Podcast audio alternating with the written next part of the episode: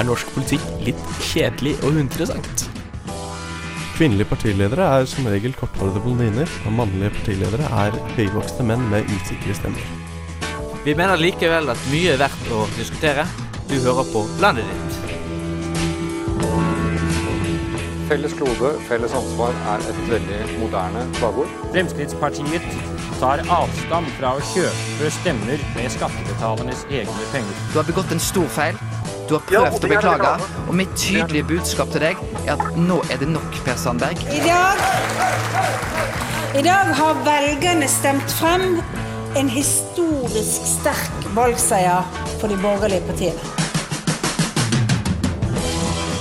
Kjære landsmenn, norske kvinner og menn. Velkommen til landet ditt på Studentradioen i Bergen.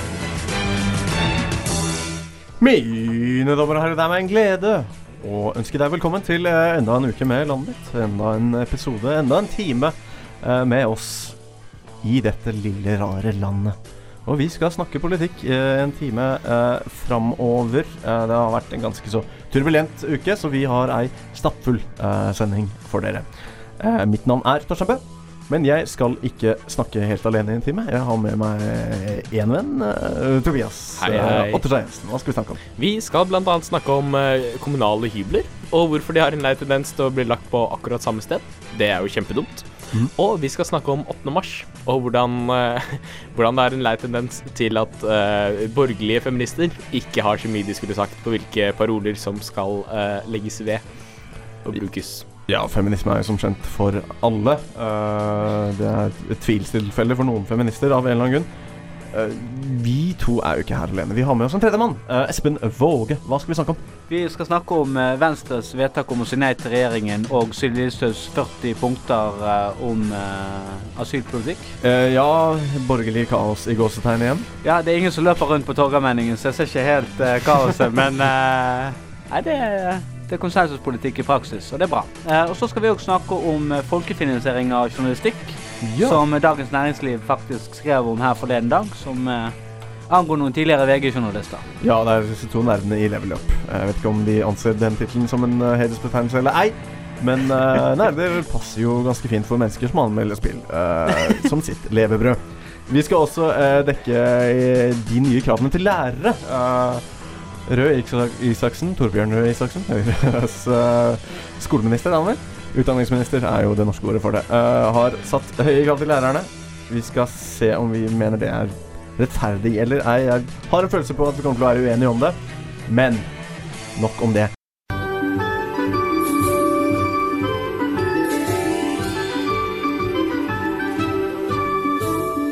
Hvis du skulle beskrive Trude Drevland med ett ord, hva ville det være? Som bergenser, et godt rævhold. Tusen takk. For friske meninger og spreke oppfatninger, hør på landet ditt. Jeg vet ikke om jeg hørte det, kjære lytter, men det var et lite eksempel på eh, det man ja, på pent norsk kan kalle et borgerlig kaos. Eh, vil eh, du, Tobias, si at vi er i ferd med å gå inn i et nytt et, da Venstre ikke var så glad i eh, ja, skal vi si, disse 40 punktene i asylforliket? Eh, Det enkle svaret er jo faktisk eh, nei. Det blir ikke noe kaos. Men det er en veldig fin måte for Venstre eh, til å få fram hva de syns om sin egen politikk, da. Og det som er litt kult, er jo at Arbeiderpartiet har jo allerede sagt seg i stor grad enig i disse innstramningene. Så da har regjeringen allerede flertall. Og da er det jo kjempedumt av Venstre om de så skal si ja, ja, vi er også enig, vi. Vi er liberale sånn egentlig, men disse 40 innstrammingsforslagene, som kalles blant de strammeste i Europa, disse skal vi da være enig i. Så Ja, det er nulltapspolitikk, eh, sånn sett. Eh, Espen? Eh, Veldig interessant situasjon, egentlig. Arbeiderpartiet sitter jo relativt stille i båten. Og det er jo, grunnen til det er jo fordi de egentlig er ganske uenige internt og ikke tør å stå frem med sin egentlige politikk. Eh, men her har man da to store vinnere, og det er jo Venstre sine velgere som eh, nå kan gjøre et opprør, og det er derfor venstreledelsen har gått og gjort dette her. For nå viser vi ja, vi prøver å gjøre en innsats her, vi prøver å eh, få regjeringen til å trekke mot våre meninger. Mens Frp kan jo bare stå på sitt og være knallharde, tjene masse, og så er det jo da eh, Erna Solberg og Høyre som sitter igjen med svarteper og må megle imellom her og finne den beste løsningen, da. Nei, Hvis du kaller uh, Arbeiderpartiet vinglete på dette, så tar jeg min fulle rett og kaller dette et fullstendig borgerlig kaos. Tobias. ja, men altså, Dette er faktisk en av sto de store styrkene med mindretallsparlamentarisme som vi har nå, der regjeringen ikke har flertall i Stortinget, men kan basere seg på ulike konstellasjoner for å opparbeide seg dette flertallet. Denne gangen blir det Arbeiderpartiet, fordi Arbeiderpartiet kan ikke si nei. Og samtidig så kan Venstre med god samvittighet stemme mot, og slippe å svelge denne kamelen.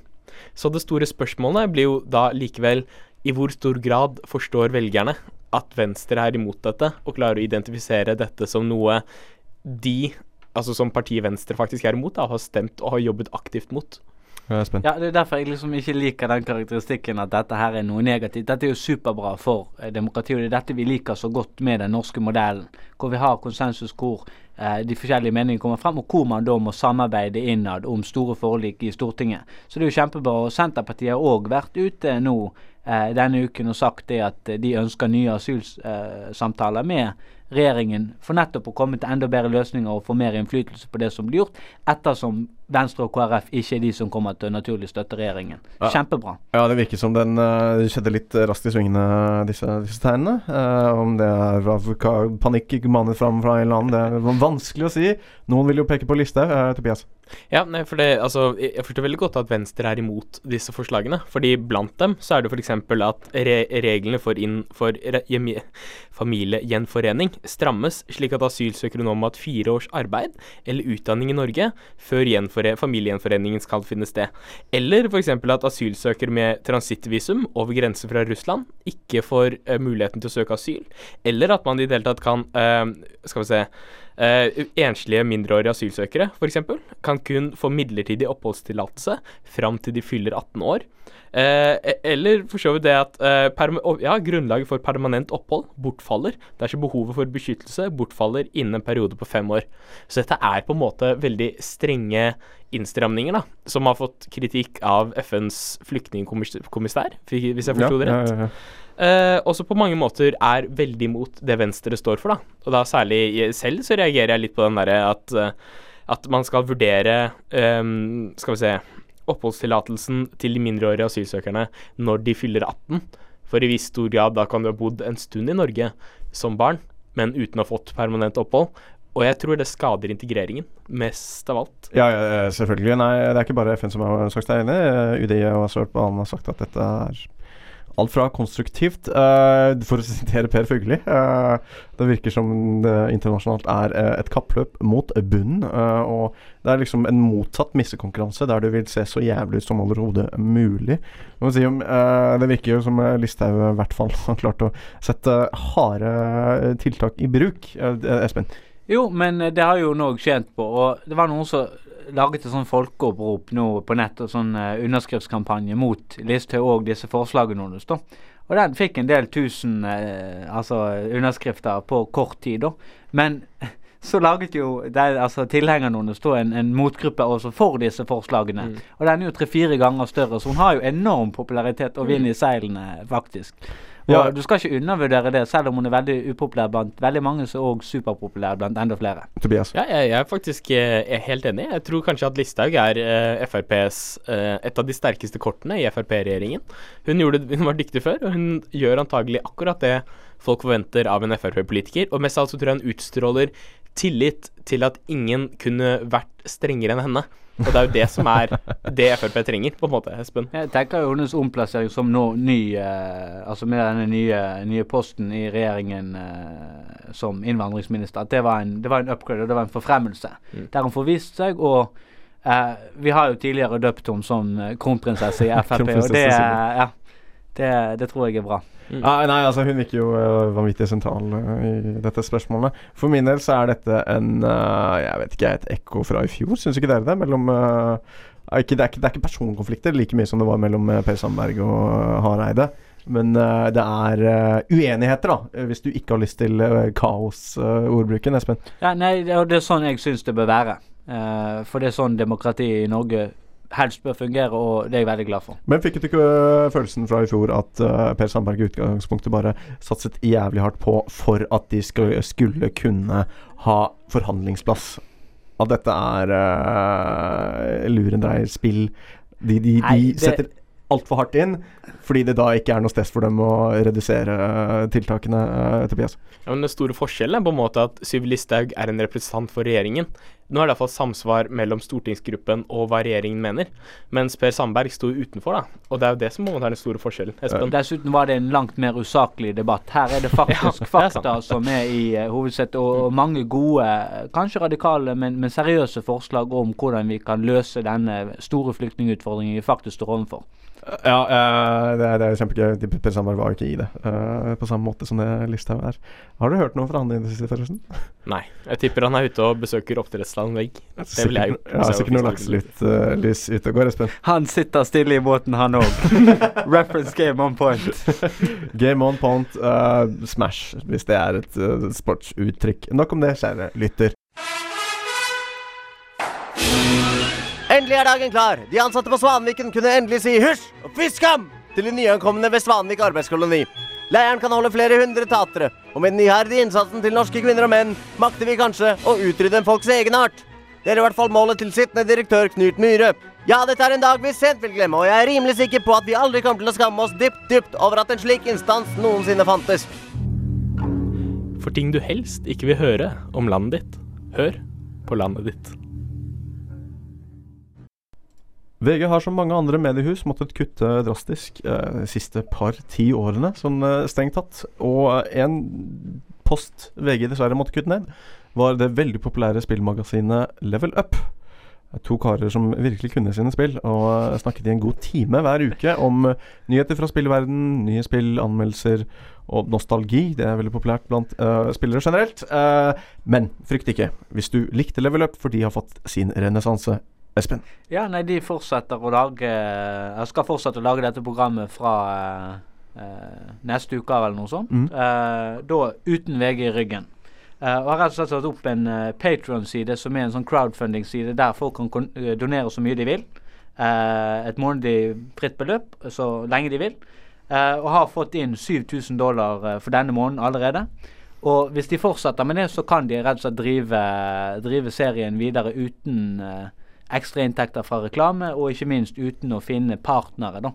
Og fortsette uavhengig journalistikk eh, på vegne av spillinteresserte, da. Ja, det er jo veldig imponerende at de har uh, skal si, grepet om befolkning til å få til noe sånt. eh, Tobias? Ja, og dette er noe vi har snakket om siste to ukene. På en måte hvordan journalistikken må eh, omforme seg til å passe inn i et nytt eh, bilde, der det blir stadig færre, eh, stadig mindre annonseinntekter. Og eh, stadig viktigere å finne nye bein å stå på. Så f.eks. så har du muligheten med det, dette nye spillmagasinet å donere én dollar i uka eller måneden, eller fem hvis du har lyst til det. Og så får man den der crowdfundingen av eh, dette her, fordi du har da dedikerte folk. Og så får du en liten belønning, da, avhengig av hvilket trinn i betalingsmodellen du befinner deg på. Uh, ja, uh, f.eks. hvis du har en dollar eller mer, så kan du uh, kommentere uh, på videoer osv. Uh, og kan jo eh, Du kan jo også spørre spørsmål til de som lager serien. Hvis du f.eks. donerer 50 dollar, så eh, får du en valgfri takk i podkasten. og en eh, plass i rulleteksten til en framtidig produksjon. Hvis du er så hengiven at du donerer 500 dollar, så kan du eh, Oi, du kan bli invitert som æresgjest i podkasten, der du selv kan bestemme tema. Eh, så helt uavhengig blir det jo ikke, men noe må man jo gjøre for å få inn eh, disse donasjonene, Tobias. Ja, for den, den store Du kan si at det er jo jeg, Når du leser opp sånn, så er jeg helt enig, det er jo et angrep på uavhengigheten. Men hvis du vrir på det, så er det jo egentlig bare dedikerte mennesker som betaler for noe de liker, og ikke et sånn stort internasjonalt firma da, som pusher de her til å gjøre som de vil. Men mer sånn fans som ønsker å påvirke produktet som de lager. Og det gjøres jo uansett, da, på en måte. Hvis du klikker deg inn på en artikkel, så er det større sjanse for at VG lager en lignende artikkel i fremtiden. På Ja. en måte. Ja. Så det blir egentlig samme greiene. Ja, det er Bare nok et bedre system for det. Hvordan, mer eh, demokratisk, på en måte. Ja, ja altså, du får, altså de som har villig til å donere mer penger, de får jo mer innflytelse. Men Ja. jeg ser ikke jeg ser, jeg ser på en måte ikke Jeg ser på en måte ikke et grunn til at uh, spillfolk da er Jeg ser for meg at det er en ganske homogen gruppe sånn inntektsmessig, og at det handler mer om dedikasjon enn hvor rik du er, på en måte. Jeg tror det er mange fordommer som ligger eh, blant spillere. Blant annet så er det veldig mange mer eh, kvinnelige spillere enn det man vet. Og det er, det er mennesker som befinner seg i alle walks of life, som det heter. Eh, Espen? Ja, nei, Nå har jo den første spillgenerasjonen òg blitt voksne og har eh, vanlige fulltidsjobber. eh, slik at, at dette her er ganske mange folk som er interessert, og spesielt den nostalgidelen som eh, du først beskrev der, den er, den er viktig, eh, Tobias. Eh, men altså, dette er en ny måte å få inn penger på, og de som er fra eh, Altså de som driver med spill og sånn, de er vant til denne crowdfunding-ideen, da. Eh, og man støtter streamere og sånn som, som lager innhold som man er interessert i. Og dette er en del av det. Og, og spørsmålet er om ikke dette kan være fremtiden for eh, nesten all eh, nisjejournalistikk. Espen? Tobias, kanskje? Fordi Ja, når de, Men hvis det viser seg at dette varer, så er det bare en sånn stor seier for det sivile samfunn, da. For da, da har vi Ja, Espen? Ja, Man har jo alltid hatt som en kritikk av liksom kapitalismen. Du kan aldri få folk til å gjøre noe frivillig. Nei. Aldri skal det gå an. Slik at du vil aldri kunne oppnå disse tingene. Du vil aldri kunne få Ja. annonsefigurer. Men her er det de som har lyst til å betale for dette. De betaler for det. Resten kan få, få være freeriders, da. Og det fungerer. Mm. Foreløpig, i hvert fall. Det virker som at du mener at de som kritiserer kapitalisme, kritiserer veldedighet. Jeg syns ikke Jeg De har, synes det er de, litt tatt, urimelig. de har tatt feil, er er mitt poeng. Ja, altså, det, det, altså på en måte Essensen med medier er at du trenger pressestøtte for å overleve. på en måte Det er ikke nok å leve av. Media er alltid en utgiftspost, du klarer aldri å leve av det. Men det man ser her, er at kanskje, kanskje er det mulig at folk, eh, dedikert spillbase og sånn, de gidder. Og de har, tar seg råd til det fordi de syns det er verdt å betale for. Ja, jeg vil jo komme med brannfakkelen. Jeg vet- ikke om dette gjelder liksom mediehus på samme måten. Jeg føler at hvis du betaler eh, VG for innhold på den måten, så det, blir det liksom eh, skreddersydde saker til deg, og sånn eh, blir du ikke et informert eh, medlem av befolkningen, Tobias. Ja, Rema 1000 gjør det allerede. Ja, ja, ja, men, Så- men det er liksom den er ikke meningsladd, den journalistikken. Dette gikk vi gjennom uh, to uker siden, for de som er interessert i den podkasten. Ja, men, men, men likevel så er det jo ikke noe Det er ikke noe ladet journalistikk, på en måte. Altså, om de sier Om de gir en sekser til et spill, så er det på en måte et snarvei for deg, da, for da vet du det allerede. Kanskje Men- du kan men- du kjøpe deg et annet spill. Du setter men, pris på kunnskapen. liksom, øh, Ja. Hvis du hadde et mediehus som skal Mm. dekke politikk, f.eks. Ja.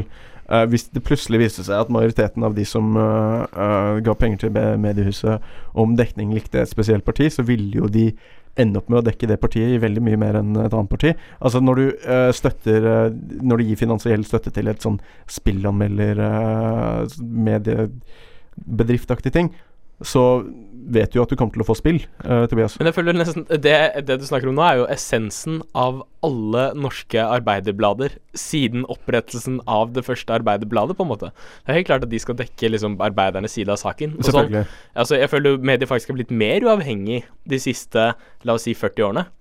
Altså, Altså, de er ikke å være- lenger, jeg er helt enig i det. Nei. Men uh, jeg føler bare at uh, jeg- vet ikke, altså. Det kan jo for så vidt funke. Uh, Espen? Ja, nei, Det er jo et internasjonalt fenomen. og Jeg så jo på Fox News sin sending her av valget nå i New Hampshire, hvor vi da hadde eh, stor dekning av også Demokratenes valg, selv om det på en måte egentlig Ja. er en, en høyre, høyre TV-stasjon. Så jeg tror det går fint, og jeg tror dette kan være en av løsningene på journalistproblemene i fremtiden. Ja, nok om det, kjære lytter.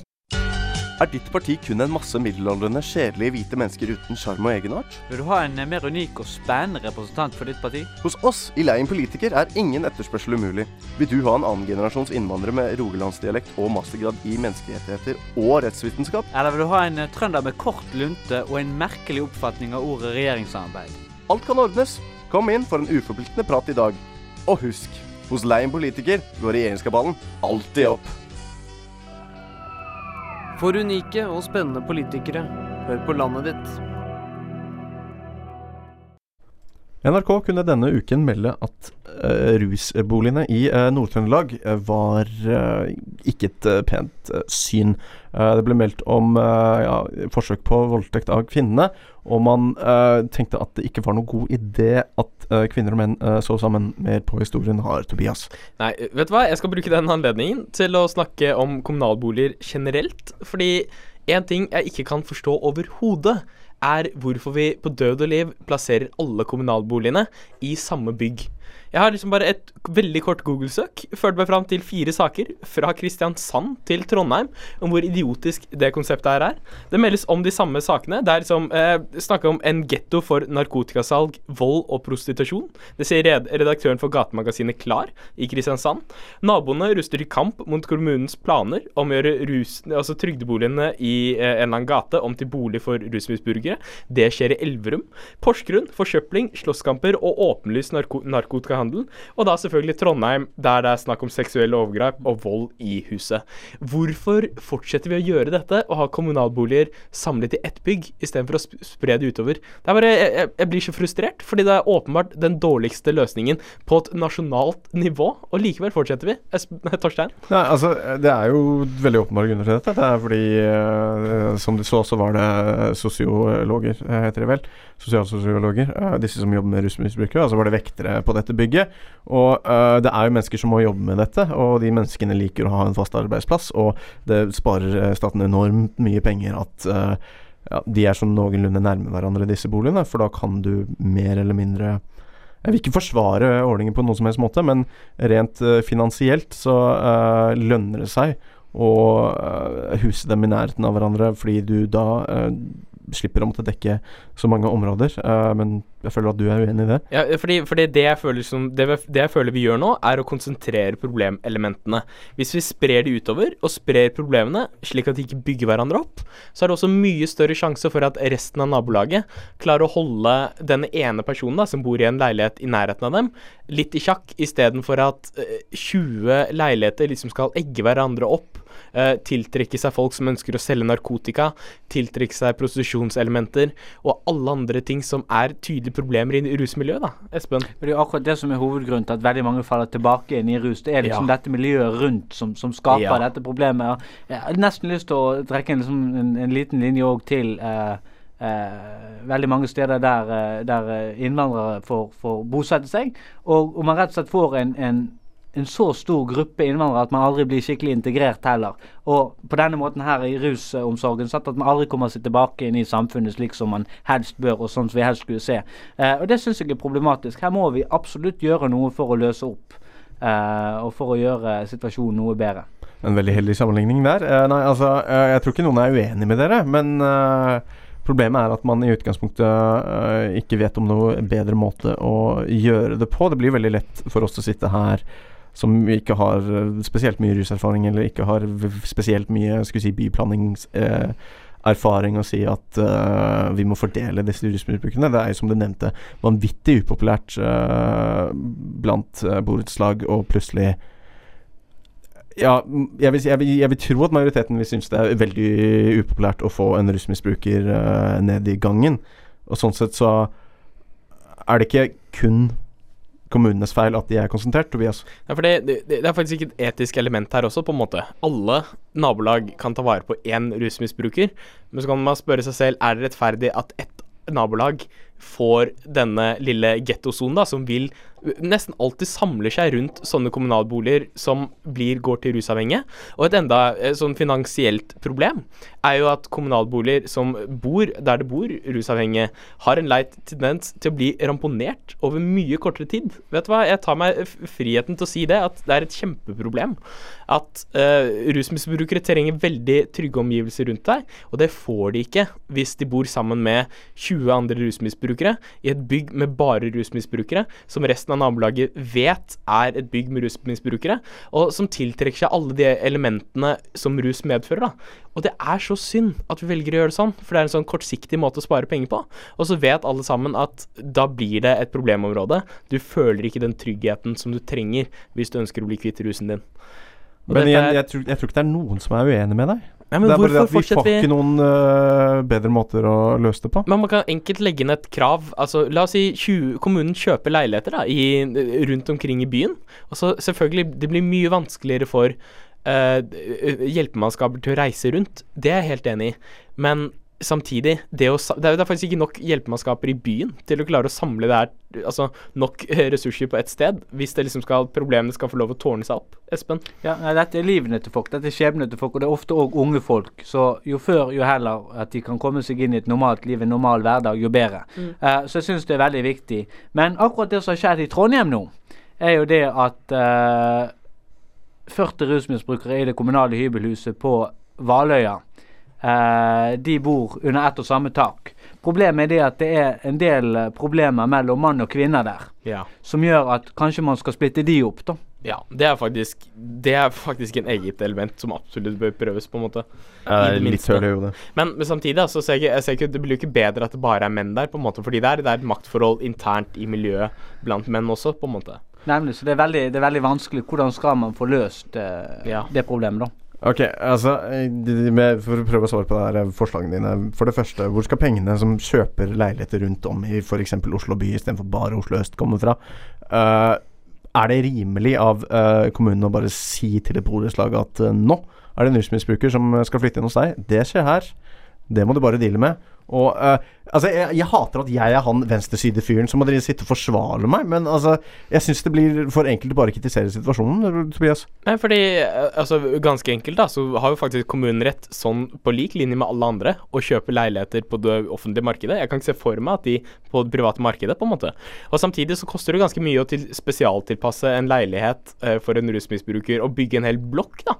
Istedenfor å kjøpe opp enkeltleiligheter rundt omkring. De trenger jo ikke ligge i sentrum, for all del. De kan Nei. faktisk ligge et stykke unna sentrum. Det er vel det, det de er ikke- gjør, Det, viktig, det viktigste er jo på en måte å, å sørge for det. Jeg syns det er veldig u- umoralsk. da For det første så er det mot enkeltindividene som må bo i en blokk da, der det oppleves veldig utrygt. Men samtidig så er det også immoralt overfor det nabolaget da, som plutselig får eh, skal vi si, forringet verdien av nabolaget sitt ved å altså tiltrekke seg disse elementene, fordi vi samler miljøet Ja, hos dem. eh, altså eh, jeg, jeg, jeg, jeg er helt enig med dere, altså, men vi må liksom se på dette med jeg vet ikke, sobre øyne. Det blir liksom håpløst å si alle gjør feil i ruspolitikk. Ja, men det, det veldig, vi, vi tenker veldig kort, kortsiktig, da. på en måte Vi tenker nå skal vi skaffe dem en bolig. Check. Eh, da kommer ting til å løse seg. Nå som disse som ikke lenger er hjemløse, har en bolig, da får de orden på livene sine. Men vi må også tenke videre og se hvordan skal vi få dem på trygge liv over lang tid, tenker jeg. Ja, jeg, vet ikke, Fikk du med deg liksom ramaskriket som skjedde på Frogner når eh, de sa at eh, vi måtte ha et asylmottak her? Jo, jo, men det vil alltid være situasjonen. Det vil alltid være et nabolag som blir berørt. Og f.eks. det vi gjør i Bergen nå, det er at vi bygger MO-sentre i alle bydeler. Selvfølgelig vil Ja. det no være noen som blir naboen til det, men det er så uendelig mye bedre enn å få en stor gettifisering av narkomisbruk som er negativ for Vi, vi, må- vi må, vi hele må gå videre. uh, kjære lytter, hvis du er interessert i dette, så anbefaler jeg å se uh, serien Show Me Hero av uh, The Wire-skaperen David Simon. Det er fantastisk på de håpløse Hva skal si hvor jævlig vanskelig det er å uh, oppsette sånne sosialboliger som både Espen og uh, Tobias snakker om. Uh, nok om det. Den serien anbefales på det absolutt aller varmeste. Vi går videre. Motherfucker! You should totally listen to Landed on Student Radio in Bergen! Why? Why the fuck not? They're amazing at political analysis! Og da er det jo fornuftig å gå mot sentrum. They're passionate about their job! Back to the truck up, boss. Back to the truck up. One of them is a goddamn politician! Espen? Tror eller håper. Jeg håper det blir bra. Landed, you goddamn son of a beatball! For ekstreme politiske nyheter, hør på landet ditt. Torbjørn Røe Isaksen er som kjent utdanningsminister i Norge. Og uh, han har vel startet uh, Ja, jeg skulle si hans, hans jobb hittil har vel gått i det å høyne kompetansekravene til lærere. Dette har eh, skapt uh, ramaskrik eh, i mye og så mangt, da mange lærere som har gjort dette hele livet, plutselig ikke har, har kompetanse nok for, til å gjøre jobben de har holdt på i 30 år med Tobias. Ja, for essensen i forslaget er at du nå må ha mastergrad for å kunne undervise i norsk skole.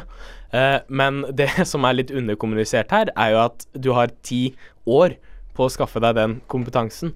Den eneste forskjellen er at hvis det er noen eh, Skal vi se hvis skolen kan ikke bruke lærere som ikke har denne kompetansen, hvis det er tilgjengelige lærere som har kompetansen på skolen. Så det er ikke snakk om at, du bare, at vi plutselig over dagen kommer til å miste 20 000 lærere. Det er snakk om at uh, lærerne må uh, få seg uh, videreutdanning, og det er det veldig mange som ønsker, og veldig mange som er villige til å gjøre.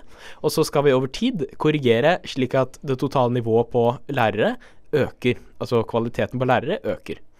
Jeg uh, vet at det er mange lærere jeg kjenner som syns dette er ganske møkk, uh, med tanke på at de plutselig blir fortalt at de ikke har kompetanse til å gjøre jobben sin lenger. Det er ikke alle som er i den livssituasjonen at de plutselig kan gå og få til alle disse studiepoengene de er krevd. Uh, jeg går ut ifra at de syns at det er eh, et helt greit forslag, dette her. Ja, fordi jeg, syns det er blitt underkommunisert det at det faktisk er ti år. Ja, altså veldig det, er- det er formildende omstendigheter, selvfølgelig. Ja, men jeg forstår veldig godt at man føler, føler den usikkerheten, da. Fordi jeg tror ikke det er helt Man har ikke så oversikt over skolen sin da, at du vet i hvor stor grad er det nok eh, lærere til stede, slik at jeg eh, ikke kan undervise i det faget jeg har undervist om i 30 år, da, på en måte.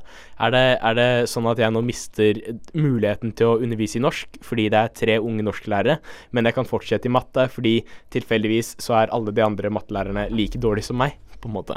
Espen? Det skal nok være en større forutsigbarhet eh, der, og det skal også selvfølgelig tilrettelegges for at det skal være lett å komme inn og få den Ja. eh, etter- og videreutdanningen når eh, det er ens tur. Da. Og man har jo eh, gitt rekordmange denne muligheten Mm. nylig, og, og jeg tror det er veldig bra, spesielt for eldre lærere som er kanskje litt småutdaterte på Mhm. eh, diverse emner. De driver jo etterlæring hele tiden. Der det skjer veldig mye. Jo, men det er jo kjempebra.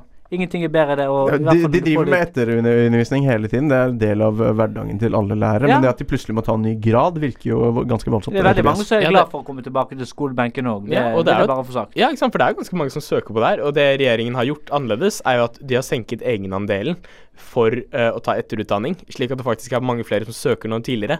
Så jeg har veldig stor tro på at man klarer å ta unna denne flyten, og at dette egentlig bare er noe som føles veldig dramatisk, men som alle egentlig kommer til å sette pris på når vi er ferdig med det. Alt i alt, god idé. Men mine herrer, vi er jo uh, på vei inn i en framtid med altfor få lærere. For jeg for min del føler at det blir uh, Skal man løse det problemet på lang sikt, så blir det ja, skal vi si litt feil å uh, kreve enda mer utdannelse av lærerne.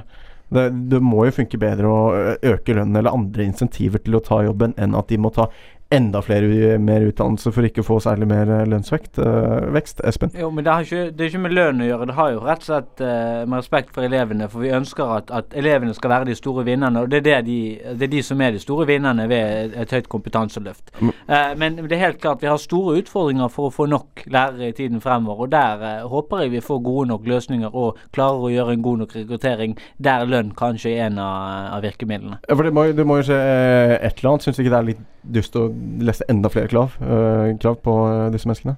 Jo, men begge, begge deler gjelder. Og det er jo, det jo man, man ser jo ofte til, uh, til Finland. Ja. Og det er jo der kravene er høyere. Og det er Mm. derfor man, ser, det er derfor man gjør det så godt Men der i Finland. lønnes de jo også vanvittig mye bedre enn Jo, norske men hvis vi gjør begge deler da, Torstein, hva sier du til Ja, det? det kan funke strålende, men det ene før det andre, etter min mening.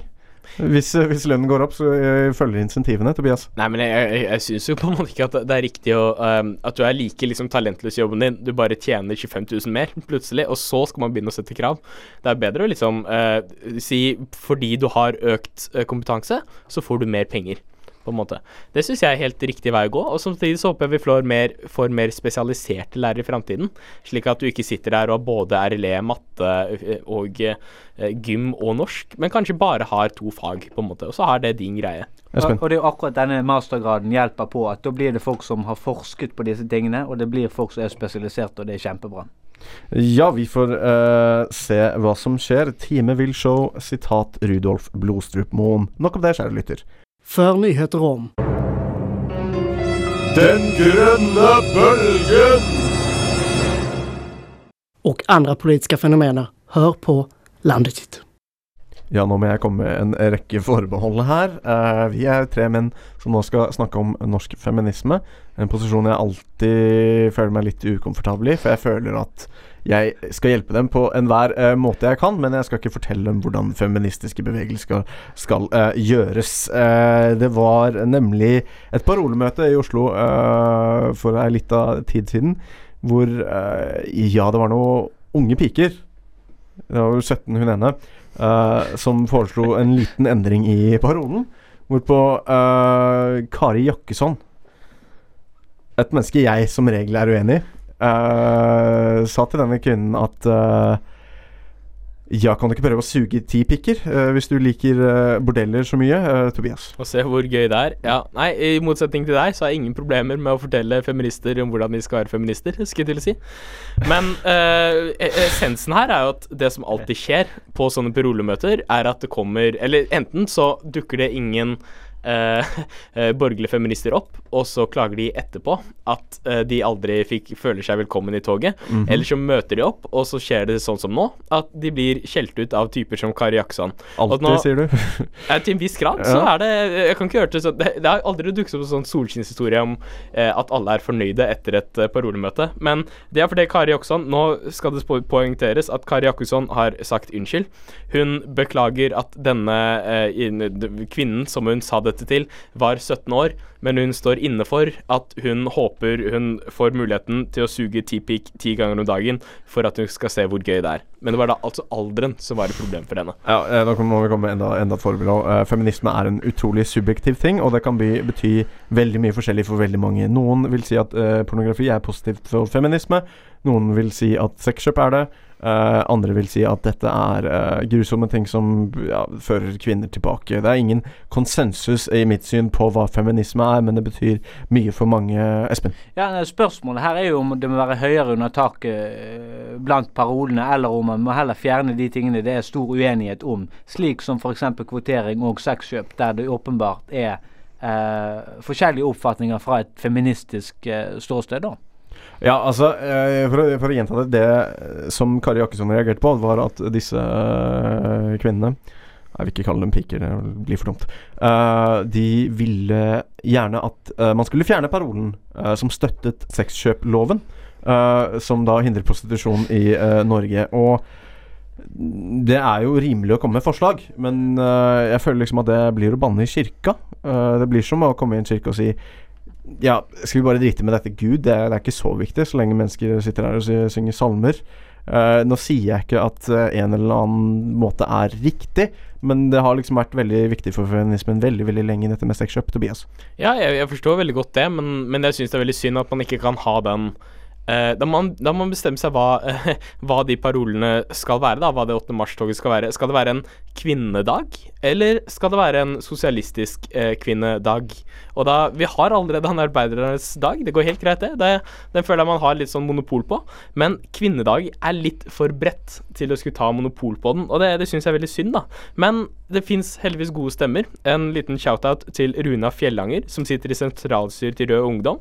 Hun gir sin støtte til disse venstre-kvinnene, som selvfølgelig fordi venstre, Unge Venstre er mot kjø- sexkjøploven. Så eh, så ville jo de ha denne parolen fjernet. Og hun var helt enig i at, at det her var en dårlig løsning, og det var veldig Veldig, selv om hun er for kjø- sexkjøploven eh, per se, så var hun syntes det var veldig synd at disse kvinnene ikke fikk Altså at de ble behandlet kjempedårlig på det møtet. Espen? De Det ble fullstendig utfryst, og det er heller ikke første gangen. Det er veldig mange som har hatt lyst til å ta opp egne kamper som er viktige for de som feminister, og har blitt nektet det. Mm. Både å delta i toget eller å få komme på disse møtene der man tar disse beslutningene. Bare for å understreke igjen, jeg syns det var kronisk uelegant uh, at Kari Jakkesen sa det. Jeg er ikke enig med henne, men uh, ja, det, det er uenigheter, da. Og, og sånn sett så er det en utrolig uelegant måte å si uh, 'jeg er uenig med deg', uh, men Kari Jakkesson hadde vel all rett til å si det på samme måte som de hadde forslag om å fjerne uh, sexkjøpparolen. Uh, Tobias? Ja, det, Vi reagerer jo på måten hun sa det på. Men, Ja, samtidig, men samtidig så er det jo liksom at Det er veldig synd at man ikke kan ha et felles Altså, Må alle parolene virkelig støtte én bestemt retning, på en måte? Går det ikke an å ha flere paroler, og så går man i tog sammen for å vise at vi er for kvinners rettigheter? Og samtidig så håper jeg Jeg er jo typen som håper at det å gå i tog ikke skal endre så mye, på en måte. Det at folk marsjerer i gatene, det håper jeg faktisk ikke er en greie som endrer politikk på en realistisk måte. Fordi jeg syns ikke det er måten å gjøre det på. Jeg syns man skal på en måte ha den høye takhøyden. Og jeg syns man skal bli mye flinkere til å inkludere flere typer feminister, og ikke bare la 8. mars være sånn derre gammel sosialistisk kvinneforenings eh, Ottar-greie. Ja, det er veldig synd da at man ikke har Nei, at man ikke har den større bredden, da. Ja, jeg føler meg så utrolig reaksjonær når jeg snakker nå, Espen. Ja, Det bør du gjøre, for Kari Jakkesson var der faktisk på vegne av Ottar. Så uh, der har du den. Nei, Ja, så- mennesker er uenige, da. Løsning, den åpenbare løsningen er jo et lengre tog. Ja, lengre tog, større uenighet, og så går det helt greit at det er en, en parole mot kjø- sexkjøploven, og så bør det være en parole for kjø- sexkjøploven. Og så kan man ta liksom La det være plass i toget, da. Ikke gjør det så forbanna vanskelig. Ja, la det være plass til uenige stemmer igjen. Ikke enig med Kari Jakkesson. Uh, feminisme er fullstendig subjektivt. Mennesker for mye mener hva, akkurat hva de vil, men litt banner kjerkefaktor over sexkjøplov-greia, bla, bla, bla, bla, bla. Alle er venner. Kan vi ikke alle bare være venner? Nok om det. Vi har dratt til Gildes forpakningsfabrikk på Hamar, der vi skal møte Kåre Tveterud, en arbeider som frykter konsekvensene av den nye arbeidsmiljøloven. I tre generasjoner har Tveterud-familien prompet inn i kjøttdeigpakkene før de blir forseglet. Men Kåre frykter at han kan være den siste. Nei, eh, jeg føler meg ille utsatt, da. For utsatt arbeidskraft og menneskelig kapital, hør på landet ditt.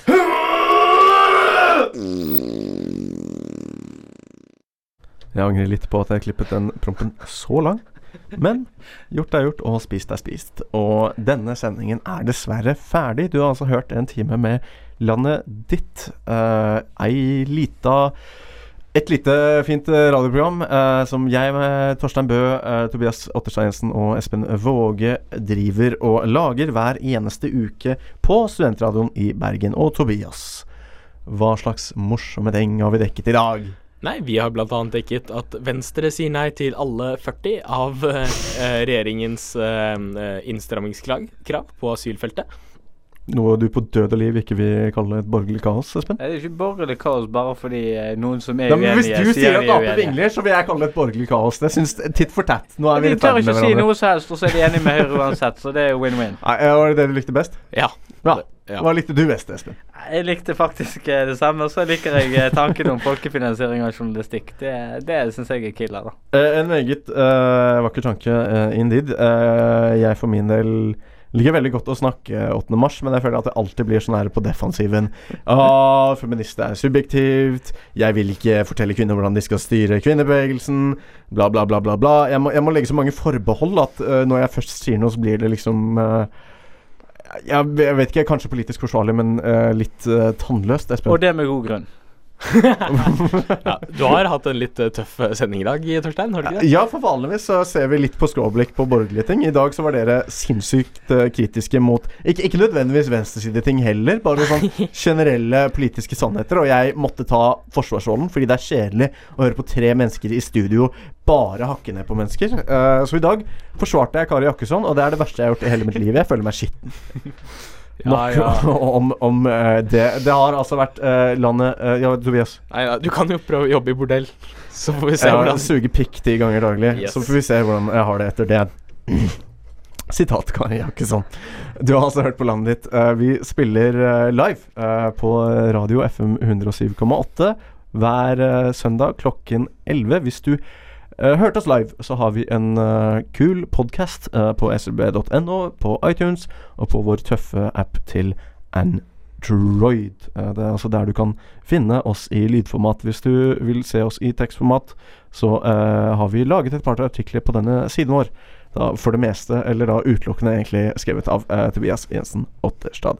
Veldig gode, og gå gjerne inn på Facebook-siden vår og gi oss et lik. Det er visstnok sånn man vurderer eh, den objektive verdien til mennesker for tiden. Det har vært meg, eh, Torstein Bø. Tobias Otterstad. Og Espen Våge. Tusen takk for oss, kjære lytter. Du hører på en podkast fra Studentradioen i Bergen. Flere podkaster finner du på srib.no.